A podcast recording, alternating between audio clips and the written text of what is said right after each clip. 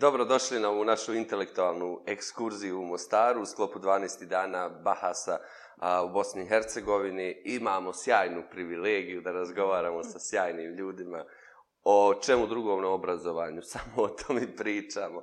Sa nama je uvažena doktorica Tijana Tufek Memišević. Od srca hvala što ste odvojili vrijeme za Nima besedu. Čemu, meni je veliko zadovoljstvo i hvala vama na pozivu prije svega. Jako je bilo nagodno ovo sa, sa, sa vama. Vrlo brzo smo se dogovorili. Da bez ikakvih problema ovaj, i hvala vam što ste unaprijed već nekako nam dali okvir i upute kako da se pripremim. Nemojte da mislite da smo vas pripremili.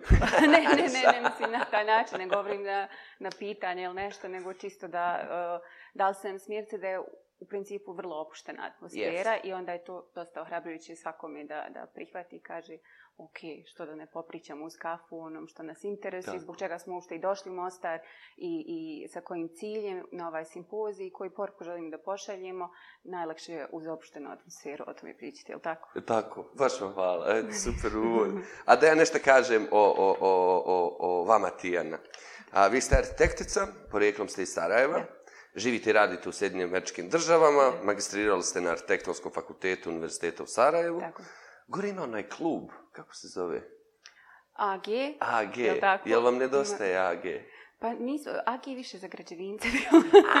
Mi smo u sobi bili obično ili u artu dole, tako da soba za moju generaciju tad se otvorila kad sam ja počela i tu smo većinom bili. E, dobro. Doktorat iz oblasti arhitekture i urbanizma stekli ste na Tehnološkom univerzitetu u Krakovu u Poljskoj. Tako. Jel vam Poljska nedostaje? Jako, da. Jako. Nekako, ja krako doživljavam kao, kao moje malo utočište, koje, nešto što je baš samo moje i tamo sam zaista uživala. Svaki odlazak u Krakov bio je neka vrsta zen momenta, da kažem. Odete li sad? A, kako je pandemija, naravno ne. A, posljednji put bila sam pri odbran doktorata. A, nisam imala priliku poslije, ali bih voljela jednom da odim sa svojom porodicom, sa djecom, da vide, da, da obiđu to. I on, zaista je posadna zemlja, jako lijepa sa mnogo, mnogo uh, divnih ljudi, mnogo cvijeća, zelenila, ma, očaravajuće stvari. Nisam bio u Krakovu, moram. Neću Krakov na doktorat, je meni čak ali... ljepši od Varšave, ali to je moje subjektivno zamišljenje, neko možda nije, ali jednostavno tako je grad koncipiran da, da ostanete bez daha A iz perspektive arhitektice? Iz perspektive arhitektice uh, izuzetno sam uh, iznenađena, pozitivno bila iznenađena, jer uh, razlog zašto sam otišla u Poljsku je, uh, dok sam radila na univerzitetu, u predavnom univerzitetu u Sarajevu, na internacionalnom, imali smo saradnju, imali smo neku vrstu kolaboracije sa uh, ovim Tečkim univerzitetom u Krakovu, gdje smo odšli u posjedu kao neku radioncu radili e, za studente i tu sam se upoznala e, sa načinom na koji oni zaista ovaj pristupaju tom obrazovanju mladih arhitekata, koji me oduševio i taj univerzitet i Silezijski univerzitet. E, oni zaista imaju pa skoro formirane arhitekte pri završetku, jer uvjetovano je da imaju dvije prakse tokom studija. Znači, nije samo jedna, nego dvije prakse tokom studija. Kad završi, oni već u veliko barate i ovaj, programima, i znanjem, i postprodukcijom, i, so, i 3D modelingom. Jako, jako su napredni ovaj, što se toga tiče. A generalno, arhitektura u, u Poljskoj je izuzetna. Naravno, gradov poput e, Katovice, gdje mnogo se ulaže u zaštitu grad, graditeljske baštine i onda na kreativan način uh, iznalaze rješenja kako da stare i novo povežu. Naprimjer, od rudnika starog uglja su napravili muzej na fantastičan način. Ja, eto, ako želite, progooglajte malo Katovice, rudnik uglja. Sad bih, fantastično. ali imamo ovih 20 minuta pa da stane. Tako da zaista Poljaci su u arhitekturi izuzetno dobri. Volio bih da pričamo i o poređenju, ali na nekom konceptualnom nivou tih mm -hmm. obrazovnih sistema i doći ćemo sigurno do tog. A, trenutno ste vi na čelu multidisciplinarne kompanije za dizajn. Da. Kako se izgovara ovo? Kandark. Kandark, da. LLC, i bavi se nezavisnim istraživačkim radom u arhitekturi urbanizmu, i urbanizmu. Da, moj doktorat baziran više na urbanističko planiranje, tako da sam se ja usmjerila uh, i pronalazim se u tome. Mislim, ja sam arhitekta i sa položenim stručnim ispitom i sa ovim dugogodišnjim iskustvom u arhitekturi i radu u praksi i u akademiji, ali u urbanizmu nalazim uh, neki lični izazov zaista i osjetim da tu mogu da um, osjetim se kao neki change maker zaista kroz, kroz istraživanja, kroz uh, konsultacije, kroz uh, organizacije koje ima. Sam član, ja sam član ISOCARPA, to je International, International Society of uh, Urban and Regional Planners. Međunarodni sam član ovaj, Američke asocijacije planera, Američkog instituta arhitekata ovaj, i tako nekih još organizacija. I kroz to moje iskustvo u, u, u tim organizacijama um, imam osjećaj da stvarno se dotičemo nekih ključnih pitanja današnjice u pitanju razvoja, održivog razvoja gradova i urbanih sredina. Fenomena. To nas jako interesuje. Da. Mi smo proglasili unutar Step by Step, mm -hmm. besedu, Step je dom besedama, mm a, jedan, jedan, jedan ozbiljan period u kojem ćemo se baviti definisanjem šta za nas znači održiva budućnost mm -hmm. i u mhm. kontekstu kakve to veze ima sa obrazovanjem. Mm -hmm. No, inspirisalo me kad ste rekli o, o urbanizmu, ne znam ništa o tom. A, ima li teoretski škola svoje mjesto unutar tog takvog planiranja? Gdje je škola unutar prostora? Vidite, e, planeri diljem svijeta i obrazovanje o, jeli, u urbanističkom planiranju e, razlikuje se mnogo od države do države. Imate, kao kod nas, dosta država koje je to neminovno nekako je sra, e, oblast koja srasta sa arhitekturom, nije odvojena. U Americi je, recimo, potpuno odvojen smjer. Možete biti urban planner neovisno da, da nikad niste bili arhitekta, je li potpuno je druga ovaj obrazovna institucija i dosta škola tako i ovaj daje mnogo veći značaj tom urbanizmu nego onaj možda mi trenutno, ali ne mora to biti pitanje značaja nego potražnje tržište. Možda mi na tržištu i nemamo toliku potrebu za trenutno za u, u urbanistima, tako da odgovarajući koncept, ali mislim da se generalno ne priča dovoljno o problemima kojima se urbanizam tiče. Jer u svjetskoj zajednici vrlo su jasne situacije u kojima se mi nalazimo u globalnom kontekstu, od klimatskih promjena do uh, rapidne urbanizacije, pa je skoro i pandemija znači, koja nas je pogodila. Mi jednostavno moramo da prihvatimo da smo dio globalnog sela i da mi ne možemo biti indiferentni na stvari koje se dešavaju na televiziji i da mi gledamo te neke poplave i uragane tamo negdje i tsunami i da to se nas ne tiče. A onda svake zime fino stavljamo masku ili zatvaramo prozore jer je zračno zagađenje enormno. Mislim, stvarno smo po tome, ja kad kažem, imala sam nedavno taj... Um, uh, na, u sklopu 60 sekundi o koroni, jeli, gostovanje, gdje sam govorila o povezanost između zračnog zagađenja, nažalost su naučnici ustanovili da postoji taj link sa komplikacijama i smr povećom smrtnosti od koronavirusa kod ljudi koji su dugoročno izloženi koronavirusu. I kad pričamo o tim stvarima, onda ljudi Pa dobro, nismo mi baš najgori. da, Opšesti najgori komentar. Da, jesmo najgori. Nažalost, u Evropi smo, mislim, ako ti neka je utiha, mijenjamo se prva tri mjesta, ovako, nekad je Makedonija, nekad je Srbija, pa eto mi. Ali, mislim, kakva je to vrsta utjehe? Da, eto, nismo baš najgori, ali smo među najgorima. To nikakva nije utjeha. Isti zrak dišemo, isto se gušimo i uh, ne treba čekati taj decembar da bismo reagovali, nego trebamo proaktivno da djelujemo, a ne da reagujemo na posljedice ovaj, između ostalog, jel, i zračnog zagađenja i drugih problema kojima se urbanizam bavi, onaj, u generalno pokušaj da, da dovedemo do nekog održivog urbanog razvoja. A šta bi za Bosnu i Hercegovinu bio taj održivi urbani razvoj? Je li moguć, teoretski i praktično? Naravno da je moguć. Jako je bitno da, da, da djelujemo ne sad nego juče. Mi, mi moramo da osvijestimo građane, da koje, da jednostavno naš, naša građanska dužnost ne završava se za okruženjem na izborima, nego i, i kao ja sam izglosa, ali tu će mene predstavljati nekog zastupnika ili predstavnika jeli, političke partije, nego vaša građanska dužnost se mora održavati kontinuirano. Vi tog predstavnika trebate da pratite kroz njegov rad. Nazovite danas, podignite danas slušalcu i nazovite tog svog predstavnika da vidite koji su njegovi planovi za održa, održivi razvoj koji su to planovi koji imaš? Zamišljam, izvinite, već zamišljam kako zovem i, i prejudiciram koji će odgovor biti. Pa, ali... Pokušajte na lokalu ovom 202, nisam nadležan za ovo pitanje. O, neko na, na, nad realistima ko nazove tamo. E, možda nije ona u toj sobi, ali možda ne znam. Ovaj, ali ne, zaista, taj citizen participation, odnosno učišće građana je jako bitno. I naročito u eri ove četvrte industrije, ovaj, ovaj, um, mozak mi malo blokirao. E, jutro ovo, je u Mostaru toplo, a pitanje održivog razvoja nije baš za jutarnju temu. Jesmo bili, sam se pitanje. Šta možemo učiniti? Da, a, to je sad sa stanovišta građana.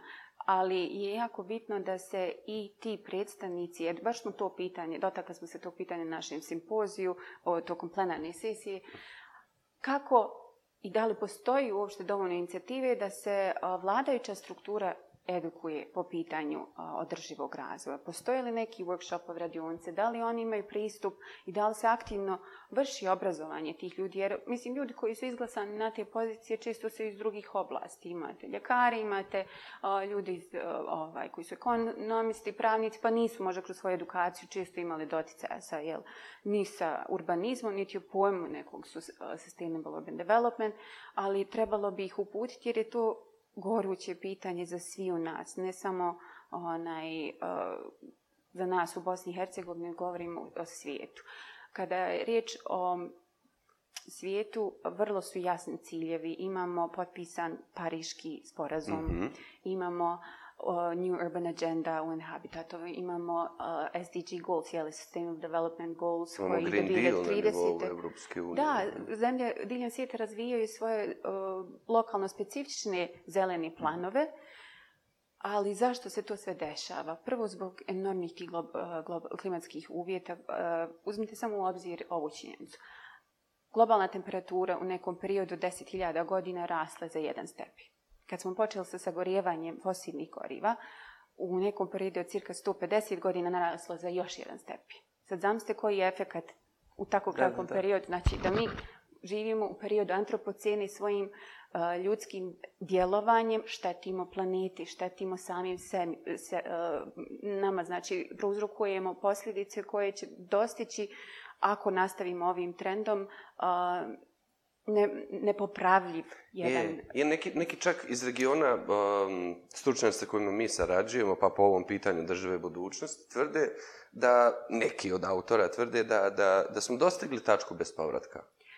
Ne bih se složila, mislim da još imamo vremen da, da, da ispunimo Je li to optimistično? Stvari. Pa ja jesam, ja sam vječki okay. optimista, tako da, ali mislim uh, da su to... Uh, Vidite, ako počnemo sa takvim razmišljanjima, najlakše je dići ruke i gotovo je sve. E sad ćemo mi onda samo smrti poslije, čekati jel, sljedeći zemlje, čekati sljedeću poplavu, onda sanacije tih poplava, čekati jeli, ovaj, uh, užasne vjetrove, rušenja i sve živo. Zašto? Zašto da ne reagujemo? Zašto da se ne osvistimo svi da, da pokušamo da minjamo situaciju? E, Interesno. Pored toga, okay. sorry, izvini, sorry, sorry. htjela sam samo da još naglasim da je to jedan aspekt problema s kojima djelujemo. Drugi problem je rapidna urbanizacija. Uh, Do 2050. godine predviđeno je da će 70% ljudi od ukupne globalne populacije živjeti u gradovima. A gradovi generalno pokrivaju možda 2 do 3% ukupne teritorije planete. Sad zamislite te male tačkice koliko opterećenja primaju u jako kratkom roku. Opterećenje na infrastrukturu, na ekonomiju, na... na um, Socijalni status, na prilike, na zdravlje, zdravlje. Na, na, na, e, nasilja i opada nam kvalitet našeg e, života u smislu da postaje ne, da, da mi sad nemamo neke luksuze koje smo, bismo htjeli, nego nemamo osnovne stvari, nemamo više pitku čistu vodu. Mm Onda mi smo u Sarajevu iskusli uh, redukcije vode. Imali smo problem sa redukcijama vode. Vi ne možete više piti čistu vodu sa Vrela Bosne zbog uh, jeli, ovaj, neplanske ovaj, gradnje. Tako. Jeste, upravo to je. Šarihja koli se pojavila jeli, na izvoru Bosne. Mislim, to su stva, strašno ovaj, neke poražavajuće činjenice. A to su sam, dešava se trenutno da, da moramo da, da proaktivno djelujemo dok dođemo do te tačke da smo se pripremili ovaj, na najbolji mogući način da ugostimo sve te nove ljude, ajmo reći tako. Jasno. A znate šta me po, po, posebno ti je na interesi? Koja je sad uloga škole, evo, mm -hmm. osnovne, srednje, vrtića, čitavog obrazovnog sistema? Uloga škole, prije svega da, da se ove teme non stop pojavljuju, što nije slučaj. Evo, čak nije ni slučaj kod e, škola koje su specijalizovane za to, znači u školama, spominjali smo različiti su programi o urbanizmu i urbaničkom planiranju diljen svijeta, ali je nedavno urađena analiza, baš jedan od ovih naših članova Isokarpe uradio um, um, istraživanje gdje je preko 46% škola uopšte ne dotiču se teme socijalne jednakosti u urbanizmu. Uopšte se ne dotiču tema održivog razvoja, uopšte se ne dotiču teme otpornosti, no resilience, ali kako e. gradove napraviti otpornim na, na akutni neki šokove, kao što su jeli ova pandemija odjednom potresi nas ili nas potresi neki zemlju, tresi ili se desi neka strašna katastrofa i kontinuirane stresove tipa ovaj, zračno zagađenja. Kako napraviti gradove otporni na te stvari da, da, da uvijek imamo spremne timove koji će o, na vrijeme reagovati, da radimo monitoring i management tih ovaj, situacija, da se ne dovodimo u situaciju da se zaključavamo i da jednostavno čekamo da prođe. A da li bi škola mogla biti mjesto gdje se, gdje, gdje se na nekom nivou rađaju kreativne intervencije? Apsolutno potpuno možda neki drugi pogled, jel to bi značilo povratak nauke Absolutno. u školu? Apsolutno i ja stojim iza toga da su naši studenti izvanredan kapacitet i potencijal tih takvih rješenja, e, samo im se treba pružiti prilika. Ja sam recimo imala, um, kad sam počela da radim na univerzitetu, primijetila sam da moji studenti nemaju razvijen smisao o, e, o tome što znači obezbijed pristupačnost u objekte za sve ljude, znači sa određenim um, problemima u kretanjima, sa ljudima sa određenim invaliditetima. Znači, to je jako širok gdje je pazno ljudi, jer žena koja je trudna, slabije se eh, kreće nego neka zdravija osoba ili, ili sa Evo, žene moja, gora kolica moja sa djecom. mora kontinuitet da traži pomoć svaki dan. Jeste, jeste. A da ne pričam tek ljudi sa, sa zaista nekim ovaj, um, komplikacijama u, i invaliditetima. Tako da uh, primijetila sam taj nedostatak razmišljanja i organizovala radionicu sa kliničkim centrom, sa uh, asocijacijom paraplegičara u kantonu Sarajevo. Onda smo i stavili u, u tu ulogu da, da, da vidi šta to znači. Mi smo u kampusu uh, kliničkog centra, doveli studente, stavili ih u invalidska koristka, imali smo apsolutno podršku medicinskog osoblja, imali smo tu ovaj, um, osiguranje koje je bilo vodilo brigu o njihovom, ovaj, njihovoj sigurnosti da se nešto loše ne desi. I oni su uradili mapiranje ključnih problema, jer je to kao gradić u gradu, jel? gdje su primijetli šta su glavne neke ovaj, obstrukcije i koje su to uh, izgrađene barijere za kretanje ljudi u takvim situacijama. Pa su na osnovu toga izna, izrodili uh, jednu, imali smo brainstorming nekoliko dana i re, razmišljali, povukli smo te neke uh, zaključke i stvorili rješenje kako bismo ovaj, uh, pristupili tom problemu u cijelom gradu, kako bismo ponudili rješenje, pa, na primjer, osmislili su ovaj, univerzalni kiosk jeli, nešto što bilo pozicionirano bilo gdje u gradu, gdje, gdje je mapa grada koja je opipljiva za ljude koji imaju vizualne Fenomenal, probleme, je. mogu da tačno vide u kojem se dijelu grada nalazi, koja ima audio ovaj, signalizaciju, koja ima taktilnu stazu da bi se došlo do nje, koja ima WC koji mogu da potrebe jeli, osobe sa kolicima, tako da vrlo, vrlo zanimljivo. I to, kažem, to je proizvod bio nekoliko mjeseci i par dana aktivno aktivnog učešća u radionici, tako da ja apsolutno vjerujem da studentima samo treba pružiti adekvatne prilike da, da se fokusiraju na neke te ključne probleme mimo ovog standardnog kurikuluma gdje imaju jel, za taj predmet spremi ovaj, ispit za taj predmet spremi ovaj i, onaj, i tu oni cvjetaju, tu oni samo im treba dati malo podsticaja. I, jedno od pitanja koje, koje sam imao da me naučite nešto, da. ali evo učimo od početka i baš vam, baš vam hvala na to. Um, Kako bi obrazovanje, pa evo i bosansko-hercegovačko, trebalo da izgleda u budućnosti da bi odgovorilo na sve ove izazove, pa i one o kojima vi govorite? Pa da vam kažem, mislim, ova pandemija nam je svima bila neka lekcija u, u nekako da uzmimo korak nazad i sagledamo kako se stvari odvijaju. I naš tempo života i rad. I jednostavno smo shvatili da možemo da radimo od kuće, jel? Uh, I edukacija može mnogo čemu, e, mnogim, velikim dijelom da se odvija od kuće, a, ali ne u potpunosti. Ja ne bih rekla da možemo sad prijeći potpunosti na online varijantu, jer svi ovi dosadašnji, ajmo reći, uspjesi u tom online uh, radu i, i radu od kuće, dosta su bili bazirani na našim već prethodno uspostavljenim konekcijama sa ljudima i već prethodnom poznavanju situacije. Ali sad ako ulazimo u nove projekte, ulazimo u neke nove situacije vi ne poznajete te nove ljude, mislim da je jako bitan ipak ono, odnos. odnos direktan i pristup i, i gestikulacija, generalno naša vizuelna interakcija je ovako kao sad vi i ja, uh, mnogo je e, više informativna i, i osjeti se energija neka, je li tako, nego što je to moguće e, online kaj. raditi. Um, ja ću sad da vas pitam nešto što nismo, ovaj, nisam vam uopšte govorio. Hoćete li vi sa našim nastavnicima od septembra, uh, pošto mi učimo, ovo smo proglasili godinu učenja o svim konceptima održivog razvoja, hoćete učiti sa nama? Vrlo rado. Hoćete znači, podijeliti na nama svoje, Vrlo svoje rado. znanje. Vrlo rado, samo uzmite u obzir vremensku razliku od 7 sati. pa ja. dobro, mogu naši, naši vrijedni nastavnici iz zajednice mogu i u 3 ujutru. Zanim ja sam, vjerujte, da, da sam imala sam niz gostujućih predavanja tokom ove pandemije i apsolutno mi nije teško ni ustati u tri, ni dva. Ne, da... ustaćemo mi, neka vas, ne, vi ustanite na vrijeme, nićemo. Meni ničemo. više odgovara, vjerujte, jer mi djeca spavaju, onda, e, onda nemam nikakve prepreke. Mama, šta radi, smo nešto ne, za, ne. za, za, za Da, da. Ovaj, tako da stvarno nije problem. Ovaj, Samo da znate više... da smo ovo snimili, sad će naša nastavnik reći rekla, nema nazad. Rekla kazala, ne. nema nazad, mora. Dogovoreno. Ovaj, također sam pozvana i od septembra ovaj, baš na, na ovaj moj Krakovski univerzitet, pa ću pokušati da nekako izbalansiram sve te Ne bojim se ja za svojim... Poljake, dajte, sad molim vas energiju usmjerite na nas, treba nam sva pomoć da, da učimo ovo. Samo mi dajte informacije ovaj, vezane za vaš plan rada i onda ćemo se nekako uskladiti dogovoriti vrlo rado. Oćemo sigurno. Evo možda a, da, da, da za kraj da se obratimo našim nastavnicima, pa i u kontekstu teme. A već teme. smo pri kraju. A, o, pa, evo, već smo dva put dali signal da smo izašli iz kvira. Um, šta naši nastavnici umeđu vremenu konkretno mogu da rade? Opterečeni svim što imaju nastavni planovi, programi i tako dalje, šta ono iskonski bi trebali da rade?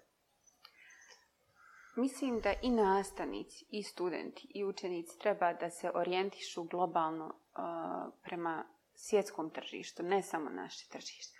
Treba i da, da prate trendove i dešavanja koja su, se odvijaju u njihovim određenim oblastima u svijetu i da pokušaju studentima pomoći da steknu te vještine, da steknu znanje, da budu konkurentni i ne samo zbog konkurencije, nego jednostavno da uh, mogu da, da odu čista obraza i e, nastave svoju edukaciju negdje drugo. Ne zbog toga što je negdje drugo puno bolje, nego zato što je jednostavno ta razmjena, odlazak i studiranje negdje vani, toliko je um, nagrađujući, tako je bogato iskustvo, doticaj sa različitim kulturama, doticaj sa različitim, evo recimo konkretno iz arhitekture, sa različitim načinima građenja potpuno su drugačiji gradove koncipirani u Americi nego što su koncipirani u Evropi. Evropa je mnogo stariji kontinent, ima istorijski puno više slojeva, jeli, nego što to u Americi ima. Znate što mi je bilo fascinantno u Americi? Kad sam vidio kao zaštićeno, historijsko, jest. a ono staro 40 godina. Jeste. Znači, ja živim u zgradi koja ima ono vjerovatno 110. To da, Amerika jeste ovaj, dosta mlada zemlja, ali je u tom kratkom periodu u svog postajanja postigla enormne uspjehe koje, ono, civilizacijske skokove koji su zaista ono, očaravajući. Kad vi obiđete jedan grad kao što je Chicago i njegovu historiju i... Samo koliko... puno vlage ima. Zavisi kako, gdje? Mislite u Chicago? U Chicago, je. Na, na vlaga je najmanji problem, to zima. Evo ja, po prvi put u životu mi fali D vitamine, rekao mi je doktor, do sad sam zdrava bila. Zaista je jako malo sunca, mnogo je hladno, čak smo imali a, polarni vorteks se spustio, znači u jednom periodu minus 50 je bilo vani, a na Antarktiku je bilo toplije. I kao u Bosni problem, vi imate mnogo veći problema u Čikagu nego mi. Ne, ja ne kažem da je tamo sve sjajno, divno, daleko. Od samo klimatskih tih stvari ima i dosta uh, upravo o ovome što govorimo, socijalna nejednakost, naročito dokom pandemije to se ovaj, očitovalo, uh, Odjednom je puno ljudi migriralo iz urbanih sredina prema vani, gdje ima više čistine, gdje ima više zelenila, gdje nisu toliko blizu ljudi, ali to je opet specifično za ljude koji imaju srednju ili veću platežnu moć i to sve mogu priuštiti, dok su ovi koji su siromašni bili uvjetovani da ostanu, recimo, New York je jako, jako stradao tokom pandemije, baš filmski scenarij, ako ste pratili, e. bilo je jako teško.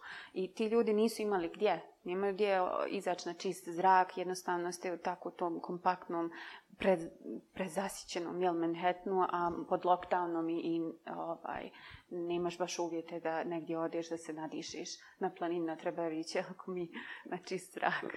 Svi na Trebeviće. Ne možete više doći kolona da Trebeviće. Još jedno me interesuje, izvinjavam se, evo što, što, što vraćam na to.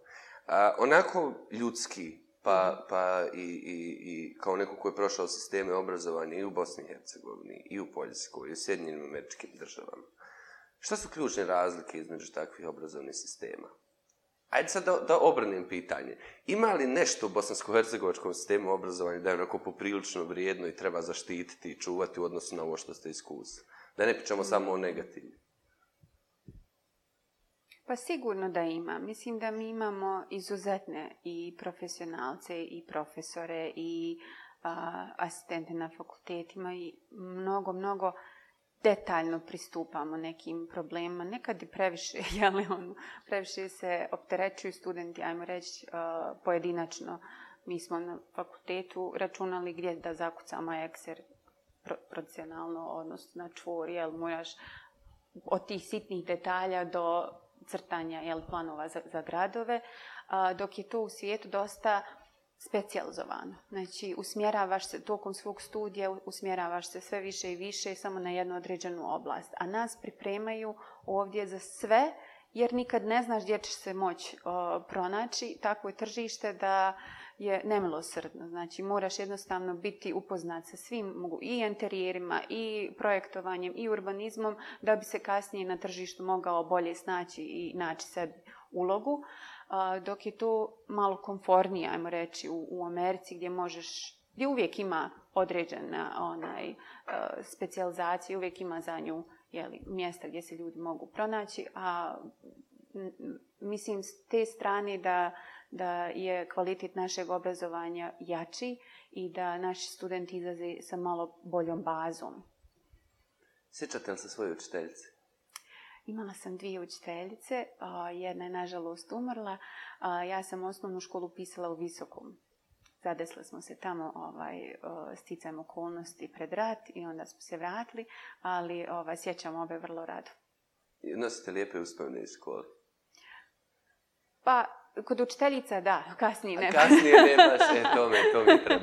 Kod to. učiteljica, da. Da završimo onako realno, da ne bude sve romantično. Da, baš nedavno sam se povezala na Facebook sa svojom drugom učiteljicom i tako mi je drago bilo nekako i vidjeti da ona uživa sa unucima svojima, e, tako da, ovo, eto, mislim, prednosti ovih e, socijalnih medija da uspostavite te kontakte, jer kad bi se to desilo realno ovo, sa mnom u skroz drugom kontinentu, one tu gdje jeste i sad ovaj, uspostavili smo ponovo kontakt, jako mi je drago tu. A u toj osnovnoj školi je li neko ostavio poseban trag na vas? Mm, rekla bih radije da je muzička škola ostavila poseban trag na vas.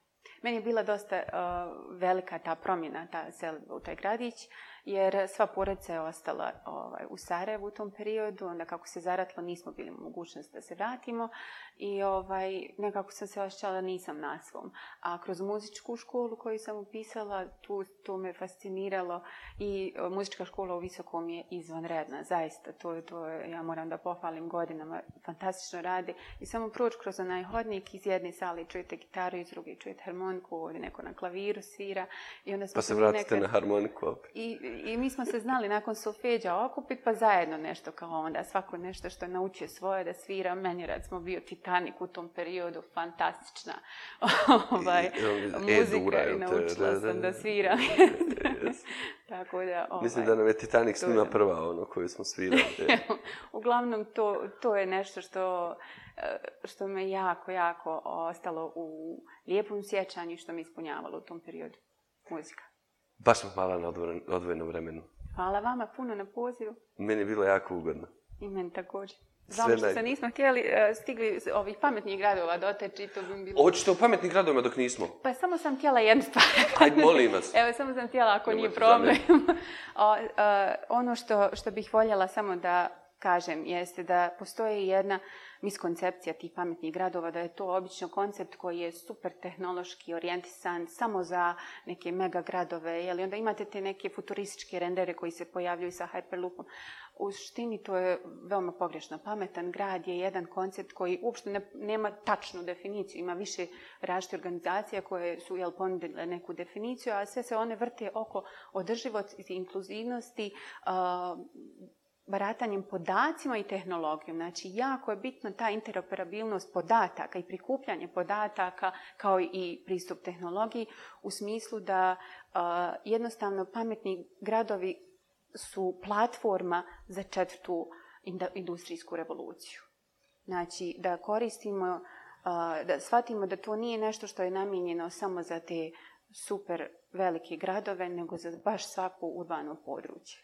Kad sam razgovarao sa Aleksandrom Ostilićem, mm -hmm. ja mislim da vi njega poznate. Bio je on gost na našoj planarnoj sesiji. Uh, on je mi bio u ovoj besedi u prvoj sezoni. Uh, I onda smo se dotakli koncepta da li se gubi, uh, postoji bojazan, u stvari kontraargument pametnim gradovima, u stvari narušavanje potpuno koncepta privatnosti.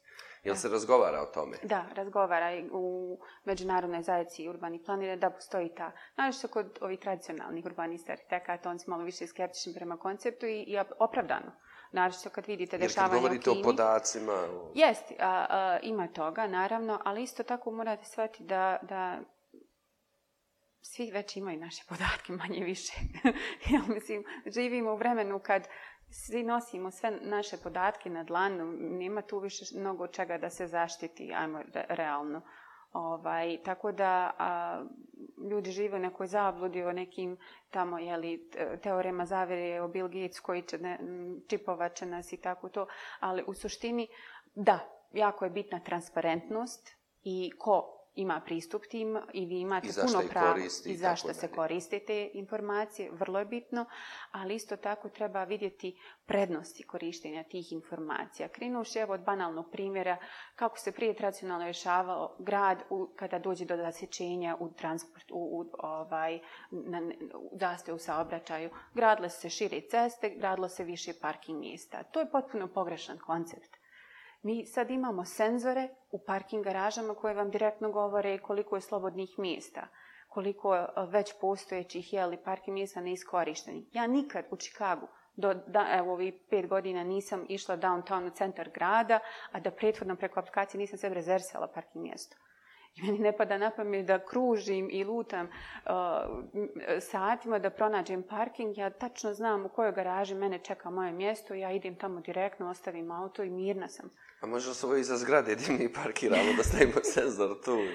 pa da, mislim, ali imam feedback, znači da tu ima slobodno mjesto koje će me čekati toliko i toliko sati, uprati, uplatu izvršim direktno preko telefona. Kad sjedam u metro voz, ja ne moram nikdje da tražim po džepovima gdje mi je karta ili da idem na neki šalter da je kupim. Sve imam na telefonu, pokažem, aktiviram je pred kondukterom kad se vraćam u istog voza, prelazim u drugi transportno sredstvo, u autobus, samo prislonim svoj ekran na, na ovaj skener i samo nastavim svoj put.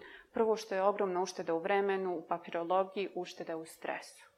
I ne brinite, hoćete li negdje stići, vi ste, sve je uvezano, sve I, i sad ako je tu neko ovaj, neki ne, podatak... Ne, to, to, to direktno dovodimo u vezi sa kvalitetom života koju vodite u određenom gradu. Jeste, jeste onda po, po, veliki je podsjecaj za a, ljude koji voze električne automobile, vidjet ćete u tr, a, e, trgovinskim centrima, u prvim redovima su obično rezervisan mjesta za električna vozila sa već pripremljenim utičnicama, tako da vi fino parkirate među prvima i uključite svoje vozilo dok obavite trgovinu. E sad kad pričamo o tome, um, da li Prvo, jedno od pitanja, da li Bosna i Hercegovina i kako može dočekati taj stadij razvoja? Uh, A drugo je, da li u tom konceptu, malo prije smo govorili o konceptu državog razvoja, a, postoji nešto što meni lično smeta, a to je, to je gotovo licemjerje kad govorimo o Bosni i Hercegovini, evo sad hoće neće graditi ter, ter, termoblok, jedan od mm -hmm. najvećih zagađivača koji mogući postoje, a, o teške industrije koju Evropa vrlo vješto koristi, a, u smislu, da, tu je u Bosni, zažmirimo na jedno oko, jer imamo neki benefit kao Evropa mm -hmm. od toga. Ili možemo razgovarati o kon konceptu licemirja u čitavom um odnosu? E, ne znam šta da vam kažem na, na, na to pitanje. Mislim da mnogo ima tu um, malverzacija u, u upravama, tih e, sistema, naročito kada su pitanje postavljanja adekvatnih filtera na dimnjake. Onda imamo problem sa neformalnim nasiljima ili ilegalnom gradnjom koje, gdje ljudi jednostavno generacijski su bili primorani da na taj način obezbide sebe i porodicu jer nisu financijski mogli da priušte sebi jeli, ovaj stan ili kuću u centru i grad je tako za sebe, za sina, sprat za narednog, jeli, znači tako bez fasade, jeli, i koriste o, grijanje na, na, na ugalj, jeli, i na, na, na tako, ovaj, o, koji najčešće su i najveći zagađivač o, vazduha kod nas.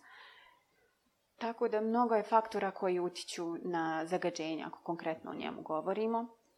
Ovaj, a ono što, što možemo učiniti je dati neku vrstu subvencija tim ljudima. Znači, i, i znači rješenja koja dugoročna rješenja, da to nije karakterom samo onaj flaster na, na ranu, nego zaista napraviti planove dugoročne i scenarije analizirati. E, nedavno je bila studija, mislim, UNDP u saradi sa uh, italijanskim ministarstvom za okoliš turizam da su objavili studiju gdje su u Sarajevu recimo analizirali kako da grijanje preusmiri neka tri su scenarija uradili. Recimo to, u tom smjeru treba ići. Znači, uh, upravo smo imali gostujuće predavanje kolekcije Sani Likarić koja je također nedavno radila studiju o unutrašnjem zagađenju u školskim objektima djeci. Da, da, o, ovaj, ja, eto ja vam preporučujem ju recimo da pozovete isto kao oh, gosta o tome. nisam znao, vrlo rado. Zabrenjavajuće su činjenice i rezultati koji su naši tog istraživanja. Jer mnogo govorimo o vanjskom zagađenju, jako malo se govori o unutrašnjem zagađenju. Odlično, pozvat ćemo Sanilu. Da. Primorat ćemo je. A, jesam nešto zaboravio? Mislim da niste. Uvuće me ekipa. Mnogo vam hvala. Bila je to hvala doktorica Tijana Tufek Mimišević arhitektica, a, trenutno u, u Sjedinjim američkim državama. Mnogo vam hvala što ste izdvojili svoje hvala vrijeme puno. za nas u besedu. Bilo me zadovoljstvo. Dobri ljudi, sve najbolje. Vidimo se u narednoj epizodi Beseda o obrazovanju na 12. danima Bahasa u Mostaru.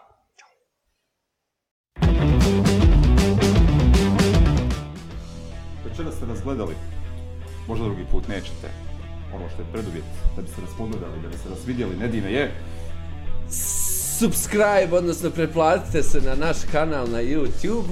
Zove se Coji Step by Step i treba da kliknete dole, u crvenom piše subscribe, subscribe, molim vas. Ukoliko život. do naredne emisije 50 vas ne klikne subscribe, vjerovatno nas više nikada nećete gledati. To je to, fajrant. Thank you.